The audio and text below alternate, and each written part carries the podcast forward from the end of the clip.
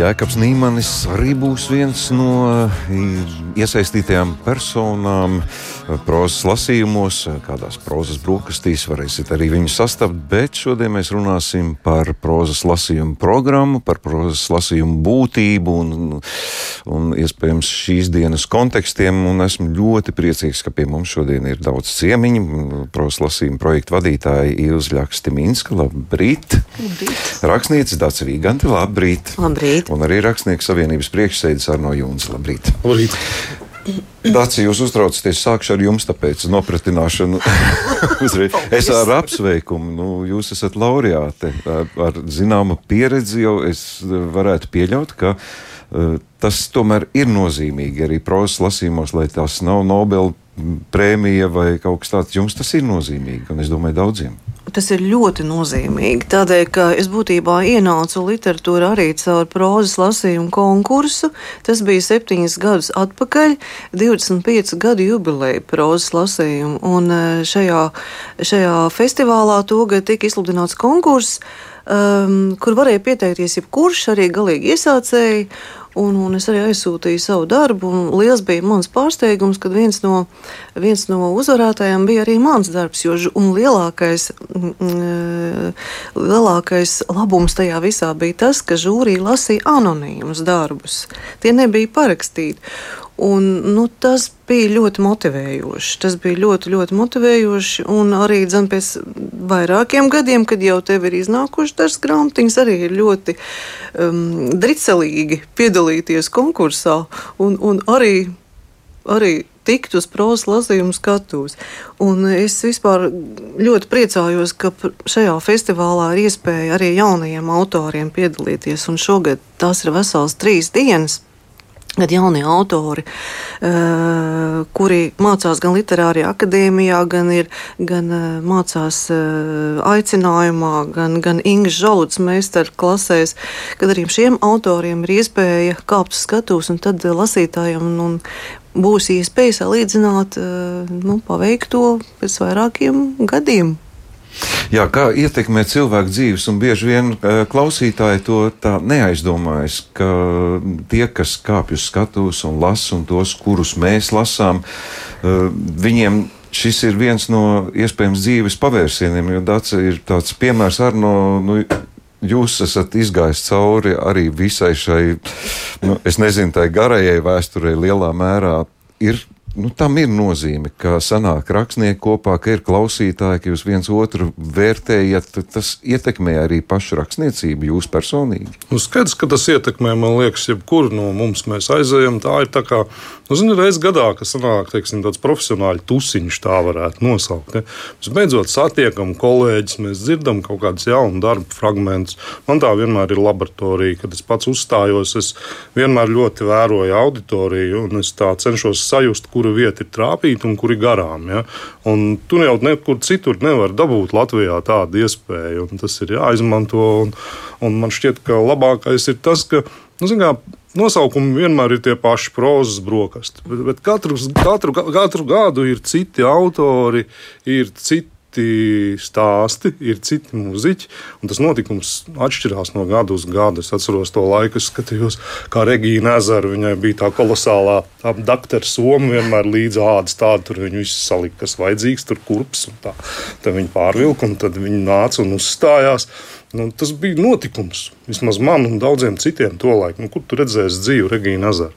Jā, bet kā jūs teicāt, pēc paša lasījumiem, ja jūs vērojat reakcijas, vai ir arī tā, ka ir kaut kādas korekcijas pēc tam savā darbā ieviešat pēc šī pirmi, pēc pirmizrādes? Protams, ka es jau esmu no tiem, kas svītro līdz pēdējiem brīdim, un ja man tagad iedod grāmatu, pasvītrot, es tur arī noteikti kaut ko pārlabot vai, vai pamainīt kādu vārdu. Nu, tas ir svarīgi.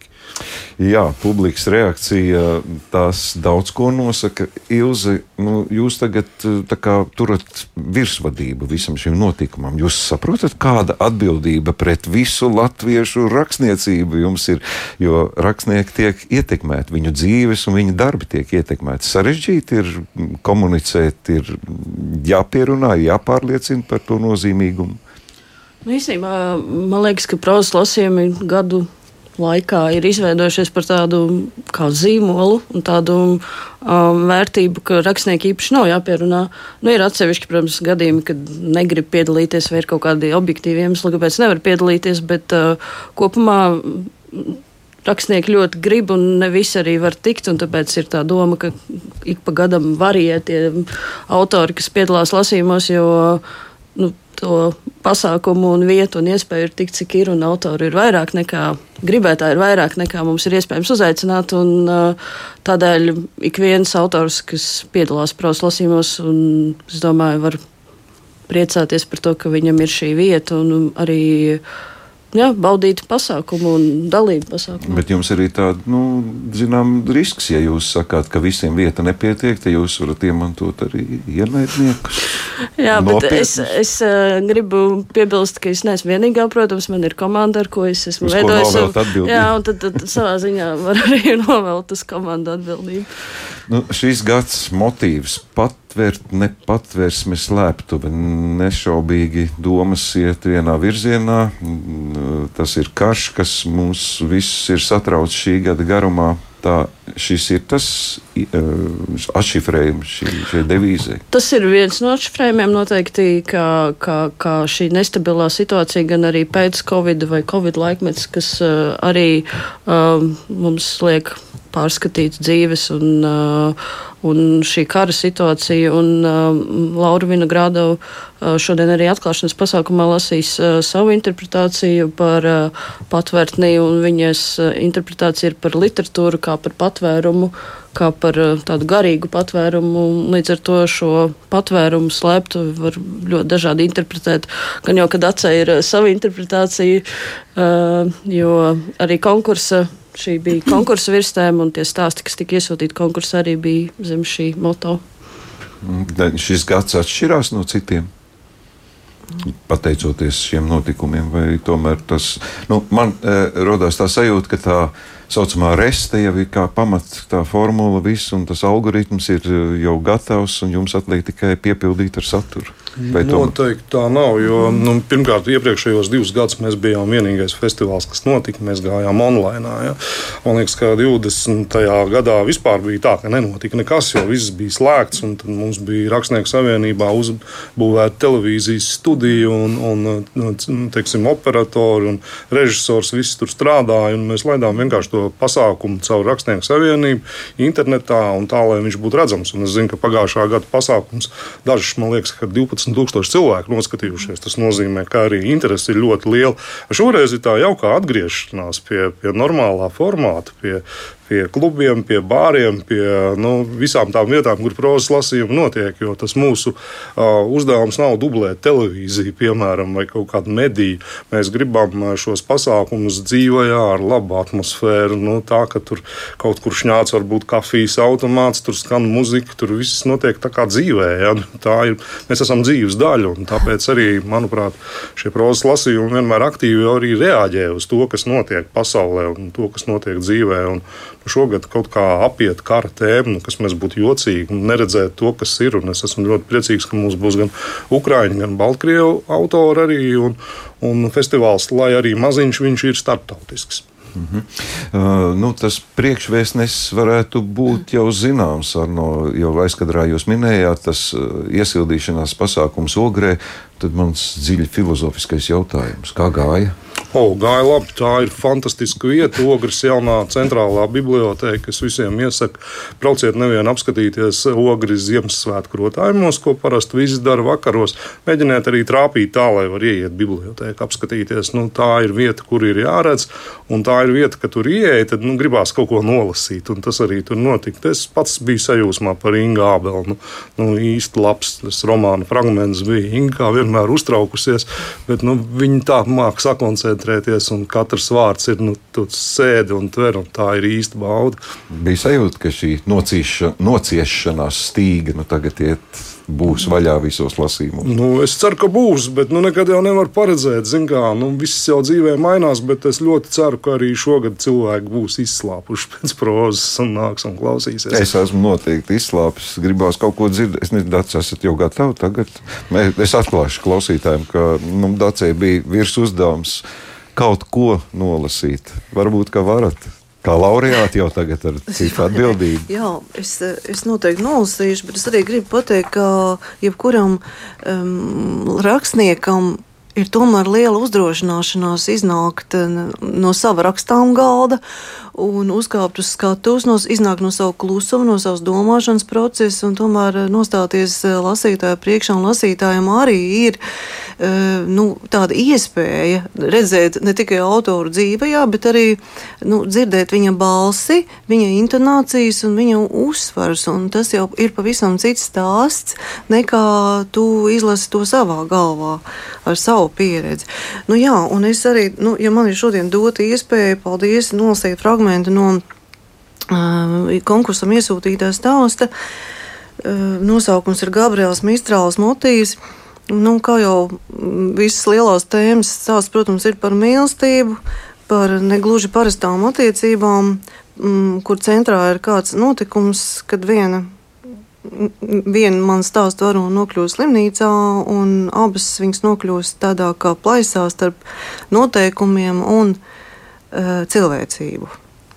Un kāpēc Gabriela Mistrāla? Tādēļ, ka mm, es domāju, ka tie e, lasītāji, šajā gadījumā varbūt klausītāji, pamanīs tās, tās paralēlas starp e, manu varoni mans varonis dzīvi, uztveri, dzīves uztveri, personīgo drāmu, arī talantu un arī slimību, un arī ar šo čīliešu dzinieces dzīves gājumu.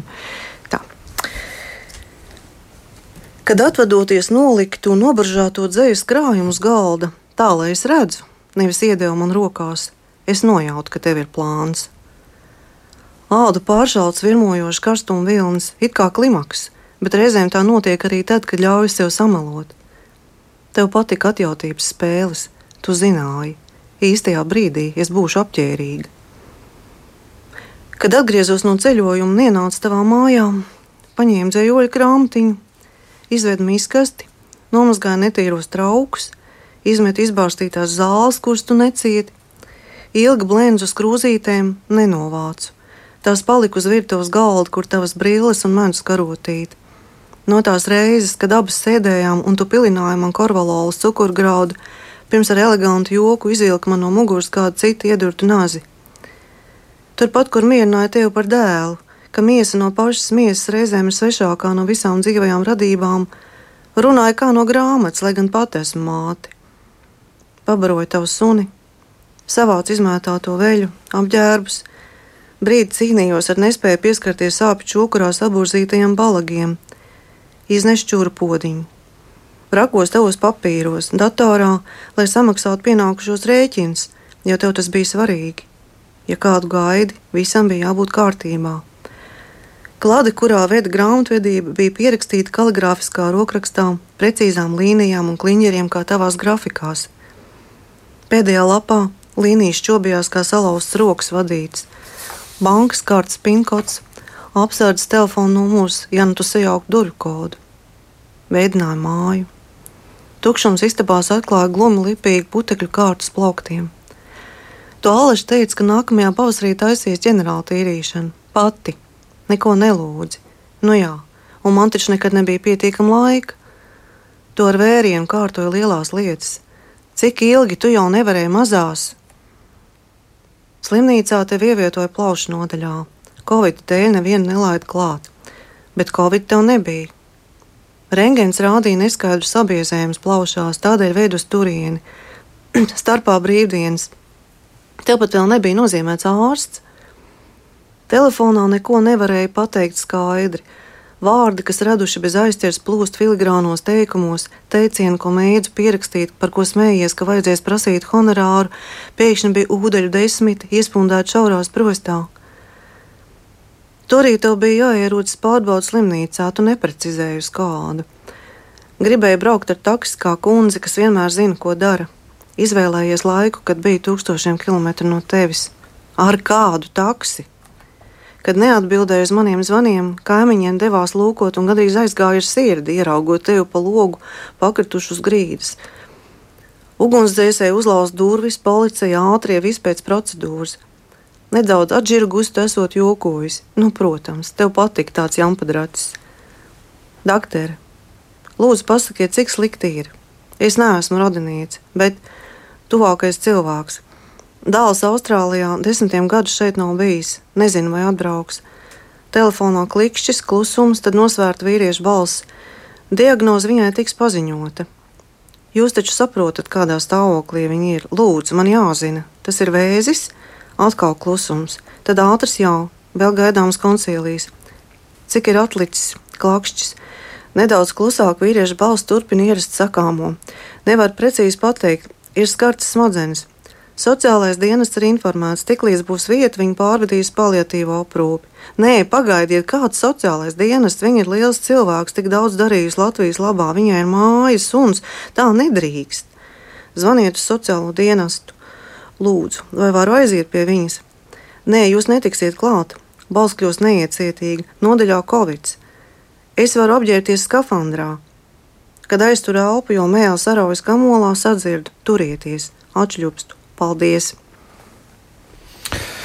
Dzirdējāt Dācis Vīgantis lasījumu, un šobrīd man gribētos kāds pāris stundas turpināt dzīvot šajā uzburtajā pasaulē, bet man kaut kā jāpārslēdz, ir slēdzis atpakaļ uz prosas lasījumu. Paldies, Dācis! Tas, eh, jā, man rodās iespējas, ka pēc prosas lasījumiem tie ir kā reklāmas Mm, lasījumi tam, lai cilvēki lasītu darbu pilnā apmērā, bet tomēr jūs tagad lūkšu jūs, nu, cik minimālā ap, nu, apmērā mēs varam iziet cauri tai programmai.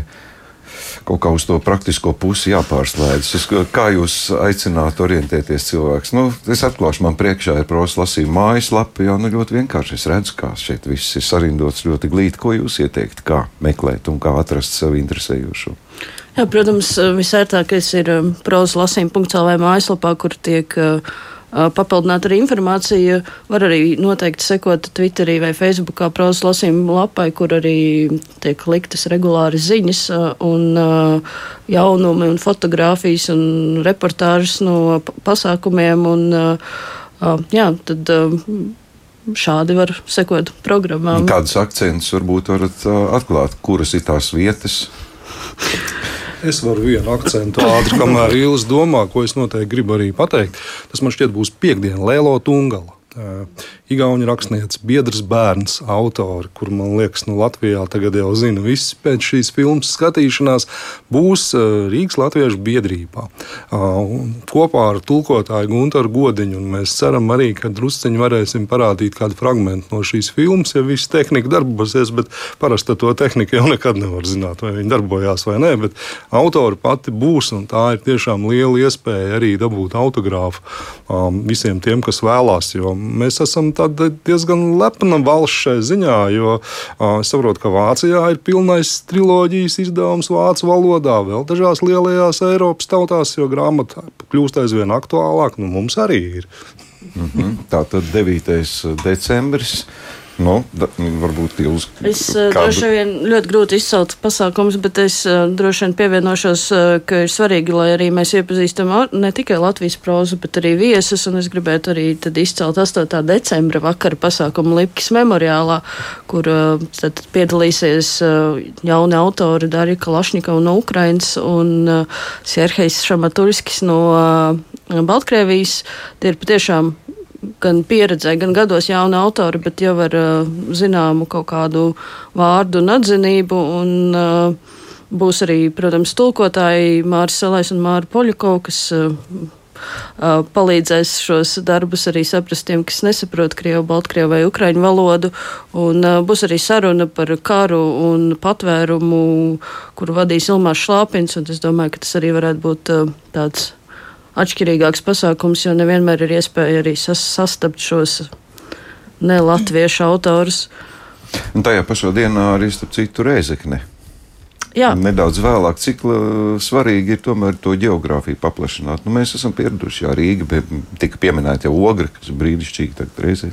Jā, jau diezgan sen uh, ir kurzemes prāvas lasījuma tradīcija, ka kurzemes autori pulcēs un uh, konkursu formātā lasa darbus, un tad uzvarētāji brauc uz Rīgu, kuras mums prasa lasījumi jau ir notikuši, un pirms dažiem gadiem pievienojās arī Latgales kultūras biedrība ar Latgales prausu lasījumiem, un um, viņiem konkursa noslēguma pasākums notiks 4. 8. decembra vakarā, bet būs arī video translācija pieejama prausu lasījuma mājaslapā, un tad mēs noskaidrosim arī Latgales lasījuma uzvarētāju, kas piedalīsies arī noslēguma pasākumā svētdien bārā 1983, un uh, uh, man liekas, ka šī geogrāfijas paplašināšana ir ļoti svarīga, un uh, uh, iziet ārā no Rīgas rāmjiem, man liekas, ir um, tiešām nozīmīgi, jo šajos arī reģionos noteikti ir ļoti daudz iespējas, literāru pērļu. Jā. jā, iespējas gan ir ļoti plašas, un arī Arno teica, ka interesanti vai ne caur internetu tiešsaist iepriekšējā pieredze bija tāda.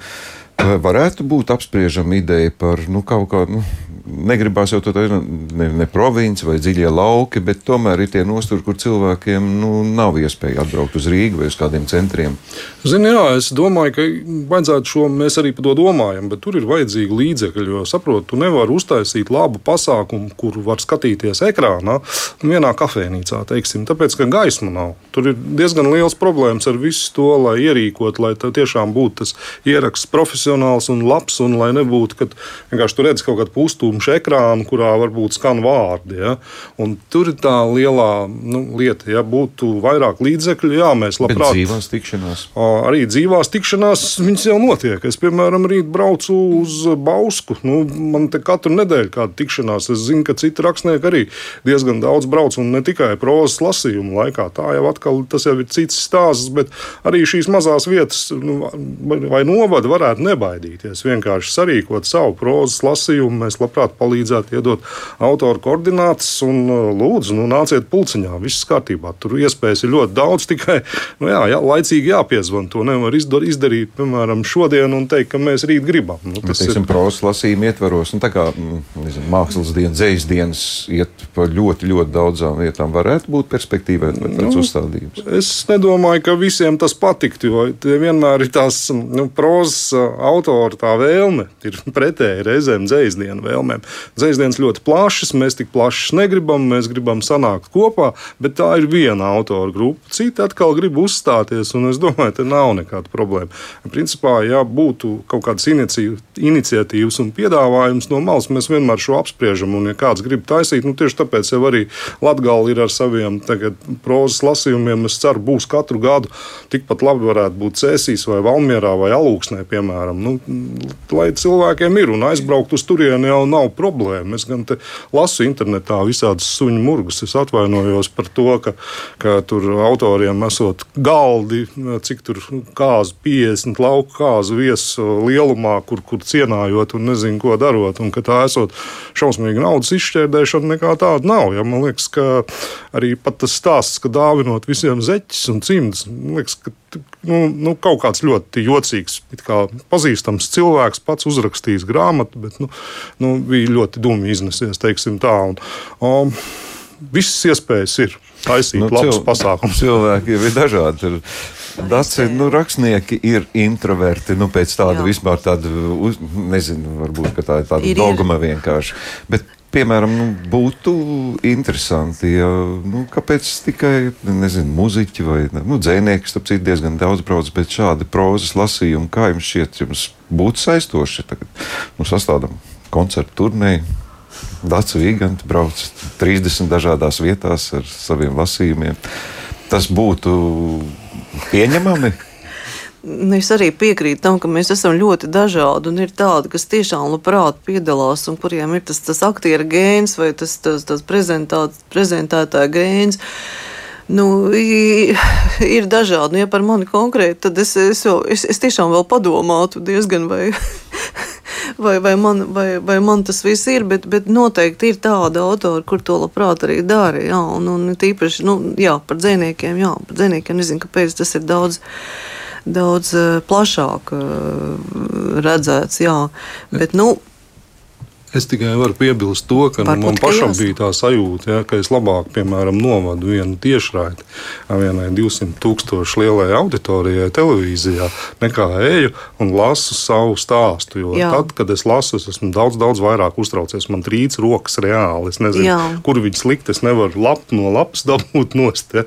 Bet, uh, jā, nu, tas ceļi kaut kas trīc, īpašs. Tad arī nebūs labi. Bet, Un vēl noģības skats skatos. Mierinājumam jums abiem dārsti saka, ka tas ir eh, pozitīvais adrenalīns un tas pagarinot dzīvi. es arī ceru uz to. Es sakot jums paldies par šīs dienas viesošanos. Klausītājiem atgādināšu prozas uh, lasījumi līdz 11. decembrim oficiālā programma. Uh, uztveriet, kā jūs to gribat, vai kā šova elementu, vai kā reklāmas kampaņas, bet galvenais uzdevums, es ceru, ka mums visiem ir viens, ka mūsu proza ir eksistē, tā ir jālasa, un es novēlu ikvienam lasīt jaunos darbus, un tieši prozas lasījumi būs tie, kas uh, atvērs durvis ikvienam uh, informācijas telpā par to, kas notiek mūsu prozā, iespējams, ka tieši pateicoties prozas lasījumiem, mēs arī ieskatīsimies grāmatās, kurās var būt tad ikdienas steigā paējam garām. Tā kā es jums visiem vēlu, lai šie cēlie mērķi piepildās un prozas lasījumi kā tradīcija un kā zīmols, kā tas izskanēja, tas patiešām tā ir un lai notiek attīstība arī turpmāk. Paldies jums! Paldies, Paldies. Paldies. Šodien pie mums viesojās Ilza Ļaks Timīns, Dācis Vīgant un Arno Junze.